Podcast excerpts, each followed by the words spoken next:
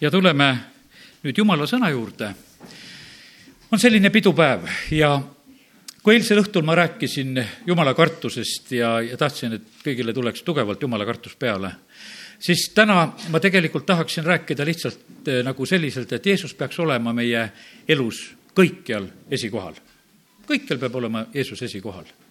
me vahest hakkame järjestama niimoodi, et noh, et, et kuidas meil on järjekord, et ja, ja, ja tegelikkuses on niimoodi, et neid järjekordasid üldse ei ole vaja oma elus, me vahest järjestame, et kus on pere ja kus on, kus on kogudus ja, ja kus on siis Jumal ja, ja hakkame neid ritta panema. sellist järjekorda tegelikult põhimõtteliselt teha ei saa, üks vend ka Riia konverentsil just nagu juhtis sellele tähelepanu, ütles, et Jeesus peab olema kõikjal esikohal on see kodus, on see koguduses, on see riigis, on see maal, et me ei saa teha mingisugust järjekorda, et ta on kuskil seal järjekorras, tal ei ole seda järjekorda, sest ta on üle kõige. ja, ja ta on seal, ta on lihtsalt selle tõttu, et ta on troonil. me ei ole täna Jeesuse sünnipäeval ju teda meelde tuletamas, et Jeesus on seal sõimes. ei ole teda seal Petlemma sõimes, mis siis, et see Petlemma kirik, see Jeesuse sünnikirik on seal ära ehitatud nii ja, ja kolm uskonda on selles kirikus sees ja, ja kõik tahavad sellele sünnikohale väga lähedal olla ja, ja ja see arvatav sünnikoht on nagu seal olemas ja inimesed käivad seda kirikut vaatamas ja see on ilusaks tehtud ja, ja selline moment on seal. aga teda ei ole seal. ja siis võid minna Jeruusalemma, lähed sinna Ketsemani aeda ja ja osad käivad seda auaukse vahelt sisse vaatamas, et äkki on seal. teda ei ole seal ka, sinna olla lausa peale kirjutatud, et teda ei ole siin. ja, ja sellepärast nii see on, mina ei läinud sinna vaatama, sest et minu usu kinnituseks seda ei olnud vaja, ma leidsin, et see on imelik, kui ma veel kahtlen selles, et ma lähen auaukse vahelt vaatama. et kas, kas on või ei ole, et kas ikka on tühi või ei ole, sest ma tean, et ta on tühi, ta on taevas, ta elab ja ta on üles tõusnud. ja, ja tean seda lapsepõlvest saadik, nii kaua kui mõistma hakkasin. ja, ja sellepärast kiitus Jumalale, et täna me võime rääkida sellest Jeesusest, kes on esikohal, aga kas ta on meie elus ja kõigis nendes valdkondades, mida ma olen juba täna nimetanud, kas ta on esikohal või ei ole? no paraku see ei ole nii, ta ei ole kogudustes ka esikohal. see on nii kurb, et Jeesus ei ole kogudustes esikohal paljud asjad võivad esikohale saada, igasugused oma tegevused ja värgid ja plaanid ja mõtted ja, ja kavad ja ettevõtmised ja kõik võivad esikohale saada. me loeme ilmutuse raamatust seitse kirja kogudustele. no need kogudused ei olnud korras igale kogudusele tegelikult oli öelda, et kes on armastuse maha jätnud, kes on kuskil taganenud, kes kardab inimesi, kes on lihtsalt poolsurnud juba seal. no täitsa raske olukord. kogudused, mis on siin selles maailmas, mis on Kristuse ihu, need asjad ei ole korras. Apostel Paulus kirjutab kirjad kogudustele ja ka inimestele, kellele ta isiklikult kirjad kirjutab. no nendes kirjades on ju tegelikult see pretensioon sees, pretensioon sees, et asjad ei ole korras. mille pärast? sellepärast, et tegelikult Jeesus ei ole esikohal. kui Jeesus oleks esikohal, siis tegelikult muud asjad lähevad lihtsalt paika.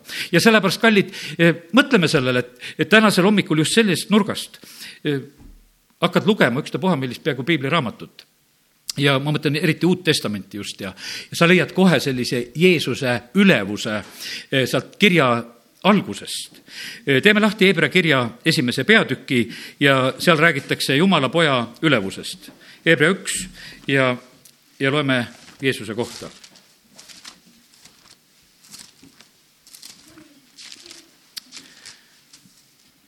Jumal, kes muiste palju kordi ja mitmel viisil rääkis esivanematele prohvetite kaudu, on nüüd päevade lõpul meile rääkinud poja kaudu, kelle ta on seadnud kõigi asjade pärijaks, kelle läbi ta on ka maailmad teinud. Kes olles tema kirkuse kiirgus ja tema olemuse kuju ning kandes kõiksust oma väesõnaga, on pärast seda, kui ta oli täide viinud pattudest puhastamise, istunud ausuuruse paremale käele kõrgemas taevas ning saanud ülemaks inglitest, kuivõrd ta on pärinud neist ülevama nime. kui võimsalt tegelikult siin Jeesuse kohta räägitakse. päevade lõpul, need kaks tuhat aastat, Jumal räägib oma poja kaudu see on esmasel kohal. Jeesus tuli seal, sellesse maailma, ta kuulutas ja ta rääkis, meie kuulutame ja räägime seda edasi ja Jumal räägib jätkuvalt oma poja kaudu. püha vaim tuletab meelde seda, mida Jeesus on rääkinud. ta võtab tema omast ja räägib seda. ja sellepärast püha vaimul ei ole mingisuguseid teisi jutte. Jeesus ütles, et isa läkitab, see tõotatud püha vaim tuleb. ja nüüd on nii, et see püha vaim tuleb ja tuletab teile meelde, mida mina teile olen rääkinud. minu omast ta võtab ja teile ta räägib ja annab. ja sellepärast, kallid, see sõna, mis tuli Jeesuse kaudu siia sellesse maailma, see kehtib, see püsib ja sellepärast on niivõrd tähtis see, et see sõna oleks sinu südames. see on niivõrd tähtis, et see sõna oleks pandud sinu südame laekasse. kui see on selles südamelaekas, kuidas Mooses sai ilmutused, kui ta läks sinna kõige pühamasse paika, kus oli see tunnistuse laegas, sinna sisse olid pandud käsud. aga jumal ütles, et ma räägin seal kohal sinuga ja sellepärast, kallid, kui, kui sinu sisse läheb see sõna, siis on jumalal sinu, sinule rääkida. sellele inimesele on jumalal palju raskem rääkida, kes ei ole piiblit lugenud, kes ei ole seda sõna endasse vastu võtnud, sellepärast et lihtsalt ei ole seda, seda sees, mis peaks olema südames. sõna, see on tegelikult südame jaoks Need inimesed eksivad rängalt, kes võtavad seda sõna, et see peab olema mõistuse jaoks. Need täiega eksivad, kes tahavad seda sõna mõtta mõistuse jaoks. see sõna on mõeldud südame jaoks ja sellepärast see Apostel Pauluse usutunnistus. usun kõike, mis on kirjutatud. mõistusega sa ei saa kõigest aru aga uskuda sa võid kõike, kui sa usaldad, et, et see on jumala püha vaimu poolt inspireeritud ja kirja pandud. ja siis ei ole mitte mingisugust meie garantiid vaja, et kuidas need asjad on olnud või kuidas nad on täide läinud. ja sellepärast, kallid, see on meie otsus, kas me võtame see selliselt vastu. ja, aga see saab olla parim, kui sa teed sellise otsuse, kui võtad piibliraamatu kätte, et mina usun siit kõike ja võtan selle vastu. ja kui sa võtad selle vastu, siis on tegelikult püha vaim selle juures see, kes tegelikult saab hakata näitama ja neid asju ilmutama. ja tead, need ilmutused ei lõppe meie elu siin maa peal lõpeb ennem ära, aga need ilmutused ei lõppe. see on võimas, kui sa loed jumala sõnad, sa saad järjest jutlusi. ma mõtlen siin piiblikooli ajal, praegu oleme pannud selle kohustuse, et eh, kes te olete piiblikoolis, et lugege seda nelja peatükki järjest selle kava järgi, viiel päeval nädalas ja mina olen ise maas selle lugemisega, olen proovinud lugeda, aga teate, mille pärast olen maas? Mul hakkab jutlus tulema, ma hakkan kirjutama ja see, ma saan mõned salmid lugeda ja ma panen jutluse kirja, mida ma tahan rääkida jälle kuskil paigas. ja siis ma vaatan, ma ei saa edasi lugeda, sellepärast et nii palju räägitakse selle juures. kui ma võib-olla lülitaksin välja kõik selle, et ma lihtsalt vuristaksin need salmid läbi, et ma noh, ma ei hakka nagu mõtlema, et, et vahet ei ole, et ma teen lihtsalt täidan selle kohustuse ära, et lugesin ära. ei, ma tahan, tegelikult tahan kuulda seda, mida püha vaim hakkab sellel hetkel ilmutama. see pilt läheb laiaks, keerad lehtesid ette ja taha, otsid piiblis teisi kohtasid ja sellepärast on see nii tegelikult võimas. jumal räägib oma poja kaudu, kelle ta on seadnud kõigi asjade pärijaks, kelle läbi ta on teinud ka maailmad. rääkisime eile, et jumal on oma poja kaudu tegelikult selle maailma loonud ta on teinud kõik, mis on taevastes ja kõik, mis on maa peal me oleme harjunud sedasi, et meil on ära lahterdatud, et isa on looja. aga tegelikult, kui me loeme jumala sõna, siis Jeesuse kohta kogu aeg räägitakse seda, et, et see on tema kaudu sündinud ja loodud asjad. keegi ei ole Jumalat näinud ja sellepärast, kallid, kui me saime siin möödunud suvel nüüd kuulata seda venna Albert Veksleri jutlust, kus ta rääkis Jeesusest Vanas Testamendis, siis tegelikult see Jumal, keda me sageli kohtasime seal Vanas Testamendis, oli just Jeesus kes tuli ja ilmutas ennast inimestele ja kellega inimesed kohtusid ja sellepärast kallid, Jeesus on olnud kogu aeg tegelikult selle maailma juures algusest saadik väga olulisel kohal. ja sellepärast need meie ajalehed ja meie targad ajakirjanikud, kes kirjutavad, et noh, et, et see kristlus on üldse nii, nii uus asi ja millal see alles kõik sündis ja millal see kõik algas ja, ja et meie pagana kombed on kõik nagu ennem olnud ja sellepärast need on justkui tähtsamad. Jeesus on kõige selle looja olnud. jah, see maailm langes aga, aga Jeesus oli ikkagi enne ja, ja sellepärast on see nii, et ei saa meie Jeesust lükata kuskile hilisemasse positsiooni. mitte kellegiga tegelikult kõrvutada ei saa ja sellepärast kiitus Jumalale, et, et me täna võime Jeesuse sünnipäeval neid asju rääkida. kes olles tema kirkuse kiirgus ja tema olemuse kuju. ja see on küll nüüd väga suur ülesanne, et üks inimene, kes tuleb siia sellesse maailma, peab kandma kogu Jumala olemuse kuju ja ega meil ei ole väiksem ülesanne, jumal tahab, et tegelikult meie kaudu tema olemuse kuju tuleks välja esile. me oleme need väiksed Kristused, me kanname tegelikult seda kristlase nime, me peame olema sedamoodi, kui Jeesus oli seda täiuslikult, siis meie oleme seda nii palju, kui me seda saame. ja, ja kiitus Jumalale, et Jumal meid armastab ja õnnistab. oled sa mõelnud, mille pärast ta sind õnnistab? mina vahepeal mõtlen ja ma ei tea, mille pärast ta õnnistab. Siis ma mõtlen, et Jumal, kas sa, kas sa õnnistad sellepärast, et mina niimoodi elan? mõtlen nagu vaevalt võib-olla. võib-olla sa õnnistad mu isa pärast võib-olla sa õnnistad mu vanaisa pärast, võib-olla sa õnnistad mu vana-vanaisa pärast hoopis. siis ma mõtlen, et, et kas Siim või Aleksander või, või Paldor või, sellepärast me näeme, et need kõik need variandid tegelikult kehtivad, aga tore on näha sedasi, et ta seda õnnistab. Ja sellepärast Jumal on oma tõotuste taga. Ja, ja sellepärast mitte, see ei ole mitte meie tublidus, vaid see on tegelikult Jumala armastus ja plaan tegelikult meie kõikide koha pealt, et tema on oma armastuse välja valanud siia sellesse maailma, et meid päästa. Ja kiitus Jumalale, et, et see täna on ka see võimalus kehtimas meie kõikide jaoks. kandes kõike oma väesõnaga pärast seda, kui ta oli täide viinud pattude puhastamise. jumal kannab kõike oma väesõnaga, see maailm on loodud jumala sõnaga. Peetrus kirjutab sellest oma kirjas, ütleb, et, et kuni veeuputuseni, jumal lubas siis tulla vee peale ja praegusel hetkel hoitakse seda maailma sõnaga mitte mingisuguse muu asjaga. Eh, mitte mingisugune, et ei ole mingisugune keskkonna eh, olukord ei ole seda siin säilitamas või hoidmas või, või meie tublidus ja, ja, ja need eh, keskkonna investeeringud, et hoiavad seda maailma.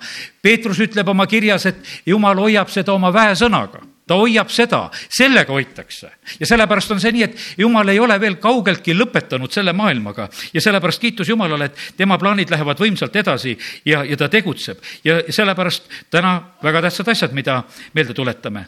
ja ta on istunud ausuuruse paremale käele kõrgemais taevas nii et meie issand Jeesus Kristus on ülendatud kõige kõrgemasse positsiooni. tema kätte on tegelikult usaldatud ja antud kõik. kas või kohtupidamine. jumal on andnud kogu kohtupidamise Kristuse kätte.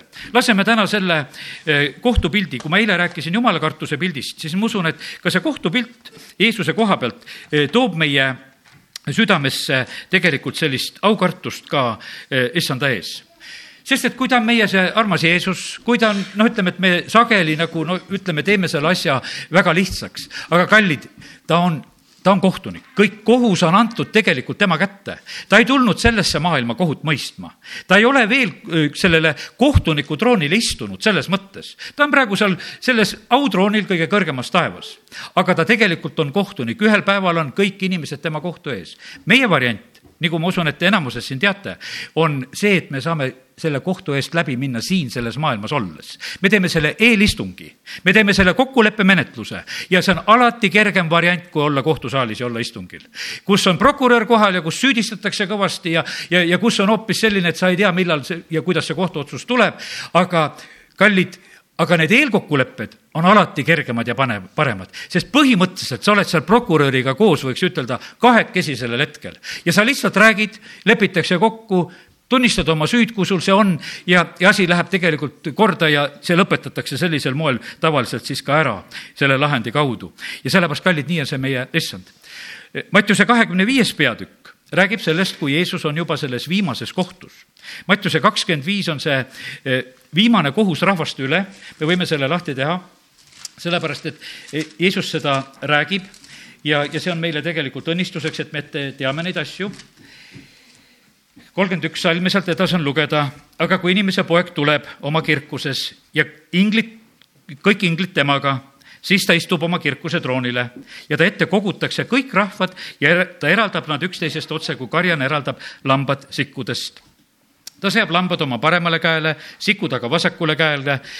siis ütleb kuningas oma paremal käel olijaile, tulge siia, minu isa õnnistatud pärige kuningriik, mis teile on valmistatud maailma rajamisest peale sest mul oli nälg, te andsite mulle süüa, mul oli janu, te andsite mulle juua, ma olin kodutu ja te võtsite mu vastu. ma olin alasti ja te riietasite mind, ma olin haige ja te tulite mind vaatama, ma olin vangis ja te tulite mu juurde. ja, ja teate, sageli on nii, et kristlased teevad sellepärast häid tegu, häid tegusid, et selles viimases kohtus püsima jääda. aga tegelikult meil sinna viimasesse kohtusse asja ei ole sellepärast, et see on viimase kohtu lugu, kus tegelikult Kristus võtab nende heategude pealt selle asja ette see on viimase kohta lugu. aga kui loed ilmutuse raamatust, kui me oleme, kes me sinna tallepulma läheme, siis ei küsita meie heategusid, siis peab olema rüü talle veres pestud ja sa oled juba pulmakotta sisse saanud. ja see, ja seal ei ole mitte mingisugust, et arutatakse, et mitu vaest sa ära söötsid või mitut sa ei söötnud. Neid me teeme niikuinii, aga ära sa tee mitte sellepärast, et viimases kohtus püsima jääda. sa ei pea üldse sinna viimasesse kohtusse minema. sa parem tule talle pulma. ära, ära mine sinna viimasesse kohtusse, kus, kus on need kas sa siis suutsid ikka nii hästi ära teha neid heategusid või ei suutnud, kus me seda, kus me seda kindla peale võime võtta? vaata, rahvad, kes lähevad kord Kristus ette, Kristus selles asjas ei eksi. ta paneb täiesti õieti paika, sest kogu kohus on antud tema kätte. ta teab täpselt nende südametunnistust, ta teab nende inimeste teadmist, kas nad on Jeesuse vastu võtnud, kas nad on üldse kuulnud temast, kas nad on tema hüljanud. ja sellepärast südametunnistus mõistab nende üle kohut sellel viimasel hetkel ja, ja sellepärast see on hoopis teine lugu. meie, kes me oleme täna siin me ei saa mitte keegi ütelda, et kuule, me pole kuulnud, et kes see Kristus on. ja me ei saa hakata selliselt rääkima, et ma ükskord mäletan, et ühes kohas, kus vennad olid koos ja, ja jõudsidki sellise tagurpidi aruteluga sinna kohta, et kuule, vist üldse oleks parem, et kui me ei kuulutaks Kristust. sest et vaata, siis on nagu noh, inimeste vastutus väiksem, et nad ei teadnud, et pöörduda ja siis läheb see selline, arutasid no Kristus ütles, et minge ja kuulutage ja sellepärast see on tagurpidi loogika, meil ei ole vaja seda teed mööda minna. aga selge on see, et kui need inimesed, kellele jääb Kristus kuulutamata, siis on see tema teada asi ja kord ta seal kohtu ees otsustab ja teeb kõik need asjad ära nii, nagu on tarvis. ja sellepärast nii ta on. ja, ja siis on see tõsine ütlemine, nelikümmend üks salm sellest kahekümne viiendast peatükist, siis ta ütleb vasakul käel olijatele, minge minu juurest ära, te neetud igavesse tulle, mis on valmistatud kuradile ja, ja tema inglitele. jätkub neid inimesi küll, kes äh, arutavad äh, põrgu olemasolu üle ka sellepärast, et äh, paljud ütlevad, et jumal on hea, jumala käest ei tule mitte midagi halba, põrgut ta ei oska teha. teate, jumalas on kõik. meie ei saa sellest asjast aru Sauli peale tuleb kuri vaim Jumalalt. no seletage see ära, aga mina usun kõike. ja kui ta tuleb Jumalalt, siis Jumalal on neid kurja vaime ka saata. ja kuri vaim Jumalalt tuli ja kiusas, Taavet seal mängis, läks paremaks ja sellepärast on see nii, et, et me vahest tahaksime teha, et Jumal on hea, et ta ei oska isegi karistada meid. oskab karistada küll põrg on ka olemas, kõik need asjad on olemas tegelikult, mida jumala sõna räägib. me vahest, meie oma mõistuses ei suuda seda kõike värke kokku panna, sest kõik on tegelikult jumala loodud. jumal on püha vihaga jumal, ta on hävitav tuli. no ütleme, et me tavaliselt ei räägi sedasi, et tulge selle hävitava tule juurde. ta on selles pimeduses jumal on valgus, temas ei ole mitte mingisugust pimedust. ja siis on niimoodi, et kui Siina mäele tuleb see paks pilv, siis Mooses läheneb sinna, ta läheb sinna pimedusse. ja ta tuleb tagasi ja ta palehiilgab. no kas me suudame kõike seda värki seletada? meil, meil jääb midagi puudu meil jääb midagi puudu, me ei oska ära seletada, mis on valgus, mis on pimedus, sest kui jumal lööb Egiptuse maad pimedusega, siis on see niimoodi, et Iisraeli rahval on valge no meie ei oska seda teha, et, et oskame seda valgust ja pimedust, milliseid kardinaid meil on vaja teha. aga seal ei olnud mitte mingisuguseid kardinaid, vaid seal lihtsalt Jumal ütles, et siin on nii. keda ta lööb pimestusega, keda ta valgustab ja sellepärast, kallid, Jumal on Jumal. me räägime täna palju suurematest asjadest ja sellepärast andku Jumal meile ilmutust selle koha pealt, et ta on, ta on palju suurem, ta on palju võimsam ja usume seda, me oleme õnnistatud selle läbi. millised jutud veel on Jeesusest kui kohtunikust, näiteks Johannese evangeeliumi sellised väga armsad salmid eh, juba seal ütleme Johannese kolm kuusteist sest nõnda on Jumal maailma armastanud, et ta oma ainusündinud poja on andnud, et ükski, kes temasse usub, ei hukkuks, vaid et tal oleks igavene elu. meie oleme selle nimetanud, et see on piibli kuldsalm. piibel seda ise ei ütle, et see on kuldsalm. meie oleme leidnud, et see on see kuldsalm ja seda võib-olla kuulutatakse ja räägitakse kõige rohkem. piiblis on kõik kuldsalmid, kõik on tõde, seal ei ole mitte ühegi salmi kohta, me ei saa ütelda sedasi, et kuule, et see, see on vähem kuld jumala sõnad on kõik õiglased, õiged ja pühad ja sellepärast nii ta on. aga see on väga armas salm meile ja sellepärast see on niimoodi, et, et me vahest elame ja hüppame niimoodi oma armastatud salmide peal. ükskord tuli mul üks õde külla, ütles, et kuule, et hakkame nüüd üksteisele ette lugema neid salme, mida me, sina armastad ja mida mina armastan. noh, ma ei tea, tead, mulle eriti see tegevus ei meeldinud. sellepärast, aga temal oli see selline, et noh, et nii teemegi nüüd, et meil on mingid armsad kohad, millest me rääkima hakkame jumal ei ole läkitanud oma poega ma-, maailma, et ta kohut mõistaks maailma üle, vaid et maailm tema läbi päästetaks. ja see on see praegusene etapp, see on praegu kehtimas asi. jumal läkitab oma poja siia sellesse maailma, see päästmisoperatsioon algas ja, ja ta teeb seda praegu. kes temasse usub, selle üle ei mõisteta kohut. panete tähele? ei ole kohtusse asja, selle üle ei mõisteta kohut. teate, see meeleparanduse hetk see on tegelikult kohtutund. ma vaatan sedasi, et kui ma kutsun inimesi, et meeleparandusele, kutsun päästepalvele, see tegelikult viib inimesed niisuguse kitsa koha peale. mõni paneb lausa silmad kinni, teised häbenevad, see on, see on selline, aga meil on mõte, et aga milles viga on praegusel hetkel, et kui ma küsin, et kes tahab saada päästetud, et mis, mis siin peab, kes tahab minna noalaeva? no kes, kes tahaks Soodomast välja saada? no ei tea. parem tea, et sa tahad välja saada, see, ära karda seda teha. aga teate, mille pärast on see ebamugav hetk?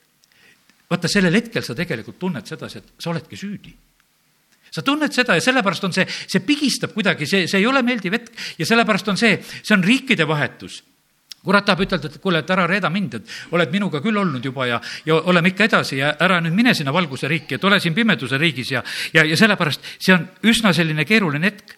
aga kes usub temasse, selle üle ei mõisteta kohut. Kes ei usu, selle üle on juba kohus mõistetud põhimõtteliselt me oleme juba selles kategoorias ja selles viimases kohtus. vaata, kes ei usu temasse, need ei ärka üles esimeses ülestõusmises. esimeses ülestõusmises ärkavad üles need, kes on issandas surnud ja ja need, nende üle on kohus mõistetud, neid ei võeta talle pulma. Need, kes me oleme alles, neid muudetakse hetkega, me läheme talle pulma, aga need, kes ei ole Jeesusesse uskunud, nende üle on kohus mõistetud, neid pulma hetkel üldse ei puudutata jääte siin, olete, ootate, millal tuleb viimane kohus ja, ja siis äratatakse teid üles, kõik on, peavad olema kord seal Jeesuse ees, kohtu ees. ja, ja mille pärast see kõik, sest ei ole uskunud Jumala ainusündinud poja nimesse. ent kohus on see et valgus on tulnud maailma, aga inimesed on armastanud pimedust enam kui valgust, sest nende teod on kurjad. igaüks, kes teeb halba, vihkab valgust ega tule valguse juurde, et tema tegusid ei paljastataks. aga kes teeb tõtt, see tuleb valguse juurde, et ta teod saaksid avalikuks, sest need on tehtud Jumalas. ja sellepärast nii see on, et tegelikult Jeesus räägib siin väga selgelt selle loo ära, kuidas selle kohtuasjaga on. Johannese kaheteistkümnendas peatükis nelikümmend kuus kuni nelikümmend kaheksa salmid ütlevad, mina olen tulnud valguseks maailma, et ükski, kes usub minusse, ei jääks pimedusse.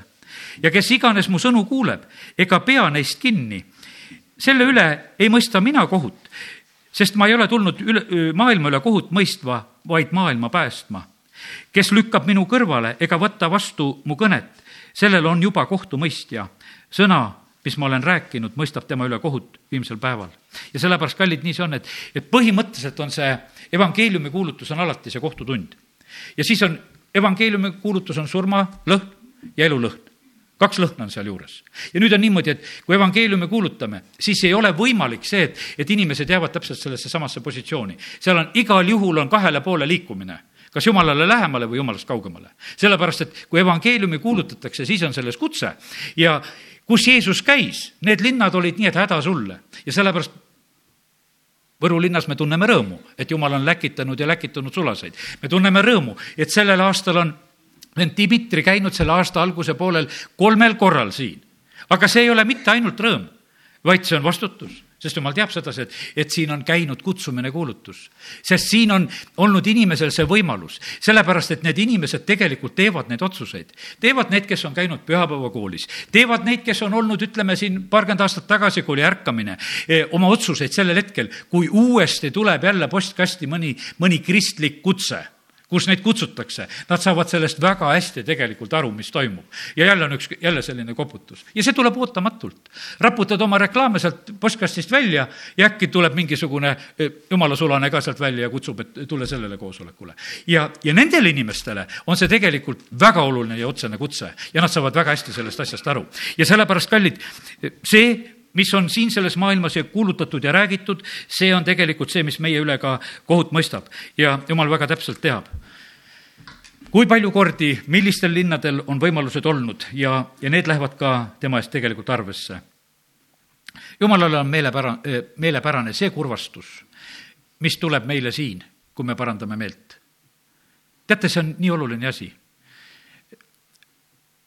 lapselapsed olid meil siin külas samamoodi nende päevade jooksul mõni moment tekkis selline, kus me soovisime, et nüüd võiks olla selline moment, kus palutakse andeks, kus öeldakse need sõnad.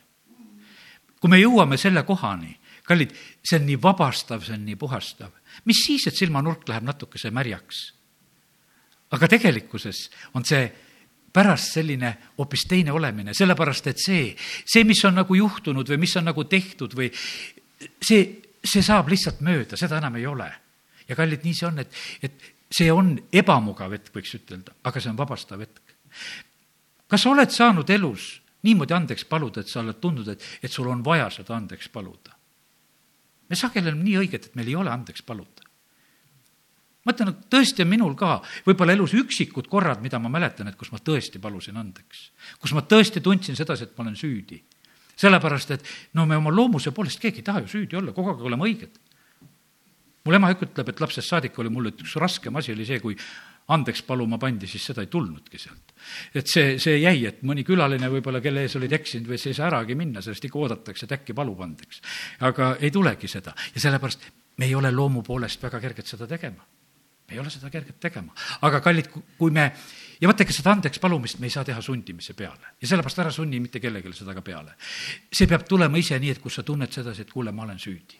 siis on see nii lihtne siis ei ole mitte mingisugune küsimus. ma mäletan, üks pastor rääkis, ütles, et, et kui ta tuli koju, ütles, et lapsed olid midagi pahasti teinud, tuleb tunnistama ja rääkima. tead, et noh, ja et noh, et ehmatus, et nüüd saab isa ema käest võib-olla riielda, ta on pahandust teinud. aga tead, kui isa näeb, et see laps on nii murtud, selle õnnetuse pärast võib-olla, mida ta on ära lõhkunud või teinud või, ta on nii murtud, no seal ei ole mitte midagi, seal tuleb lihtsalt lohutus. kui kadunud poeg tuleb koju seal ei tule mitte mingisugust süüdistust, vaid seal tuleb kallistus, seal tuleb suu andmine, sealt tuleb tegelikult see, seal ei tule mingisugust hukkamõistu, seal ei hakata arutamagi seda, et mis oli või kuidas oli oli, mis oli. ja sellepärast, aga küll on hea, et sa oled praegusel hetkel selle koha peal. ja, ja sellepärast, kallid, meil on selline Jumal, kes mõistab seda, et, et kui me oleme sellest meeleparanduse tunnist läbi läinud, sellepärast on see nii, et kui iga kord, kui me tuleme püha laua juurde, esimesel jaanuaril katame siin laua issanda surmamälestuseks. jumala sõna kutsub üles väga, et iga kord, kui me sellest leivast sööme, et me katsuksime ennast läbi teeme seda. E, sest et võib-olla me ei ole seda teinud niimoodi, et, et e, noh, nii väga tungivalt, me oleme lugenud selle asja, aga pea seda meeles, see leib on öeldud selle koha pealt niimoodi, et kas sa sööd õnnistust või sööd nuhtlust sellepärast, et see ei ole, e, see ei ole selline leib, et, et sellel ei ole mingisugust määravat asja, et söön ära.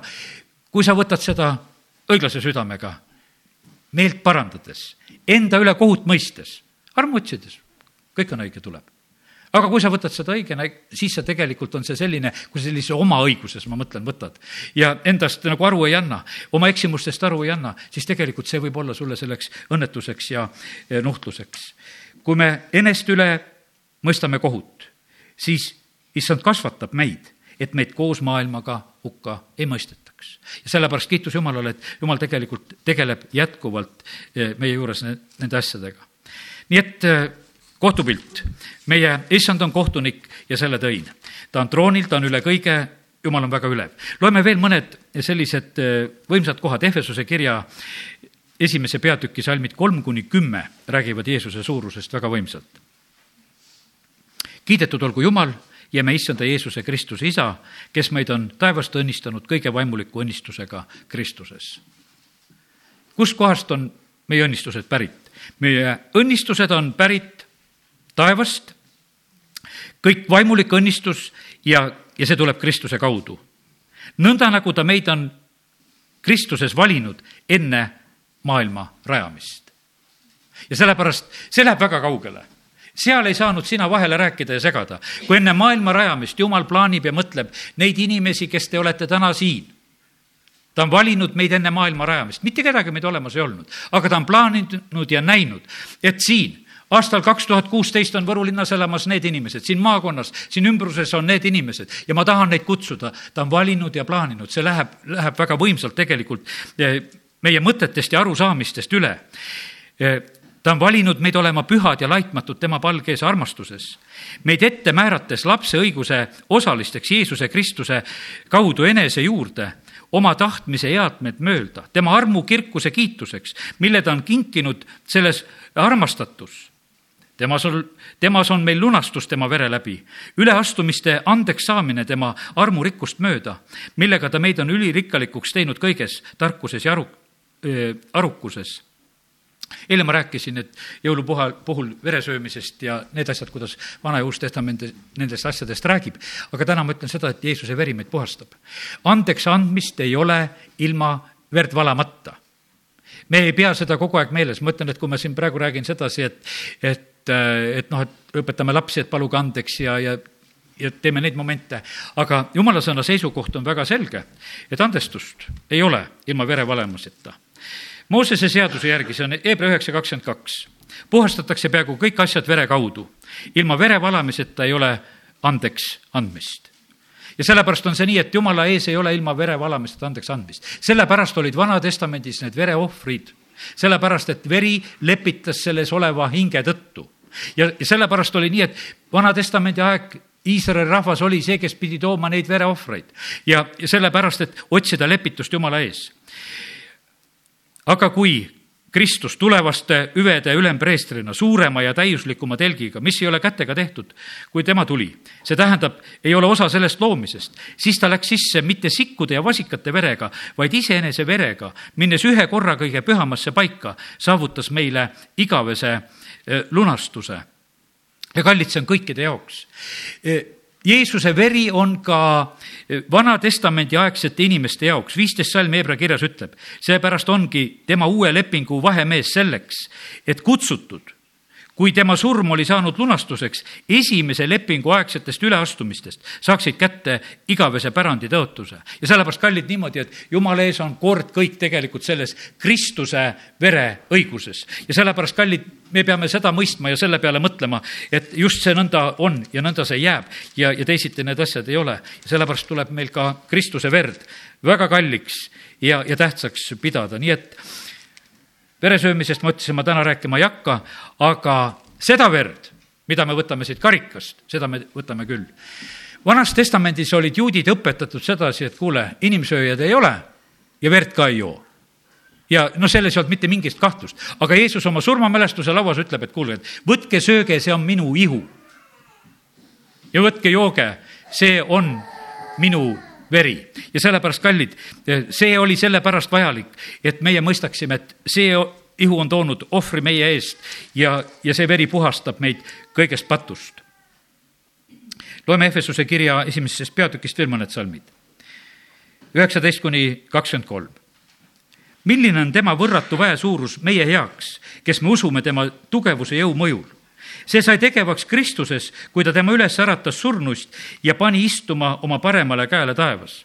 kallid, Jumal tegutseb meie juures selle väe ja suuruse ja jõuga, mis äh, oli Kristuse surnust üles äratamiseks.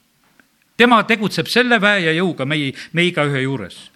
ja ta pani äh, nüüd tema kõrgele üle iga valitsuse ja meelevalla väe ja ülemuse, üle iga nime, mida nimetatakse mitte üksnes nüüdsel, vaid ka tulevasel ajastul.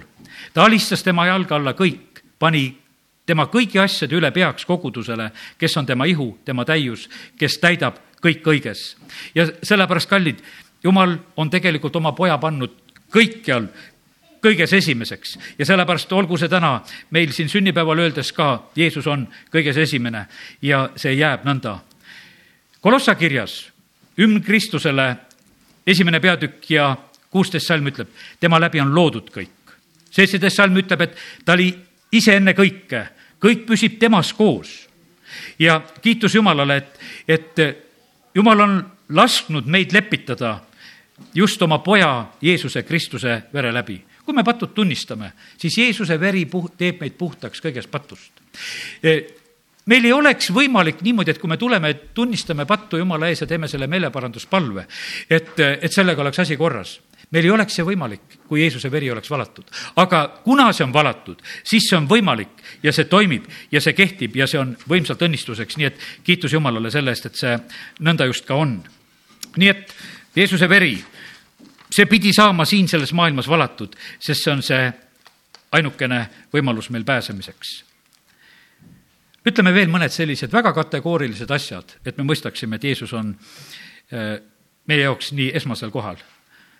mina olen tee, tõde ja elu. ükski ei saa minna isa juurde muidu kui minu kaudu.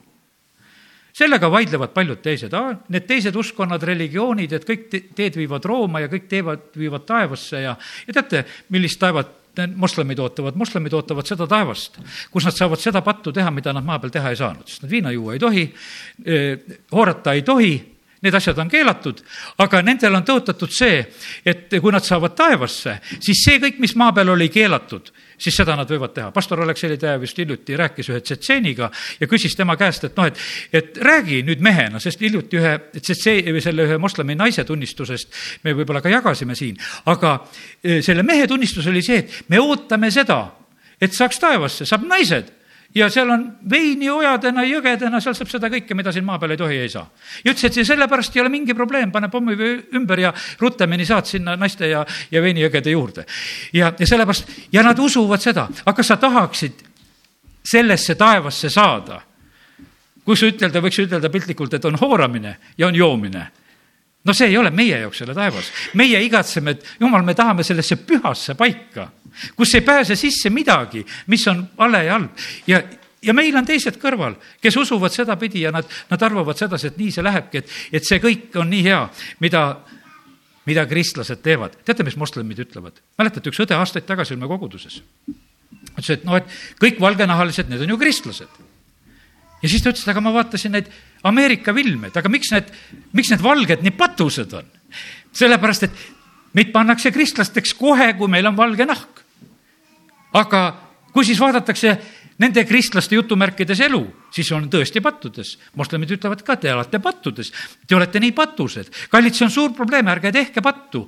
jumala kartusest oli see jutt ärge tehke pattu, see on niivõrd tähtis asi. praegusel hetkel ka Aasia maad, kus on tegelikult suured ärkamised olnud ja teate, mis seal on sündinud? praegusel hetkel on niimoodi, et kristlaste hulgas on abielulahutused läinud suuremaks kui moslemite hulgas no kas see on au Jumalale või mitte, see ei ole absoluutselt au Jumalale. kas me niimoodi saame ütelda neid moslemeid, et, et tulge Jumala juurde, kui nad näevad sedasi, et, et te lähete oma Kristuse juurde ja tegelikult teie elu langeb? See ei ole õige, seal ei ole absoluutselt õige, sellepärast kallid, eh, jumala sõna ütleb sedasi, et, et me ei teeks pattu, aga teist teed ei ole kui Kristuse kaudu. Ja sellepärast me peame arvestama sellega, et meie Jumal on väga püha Jumal.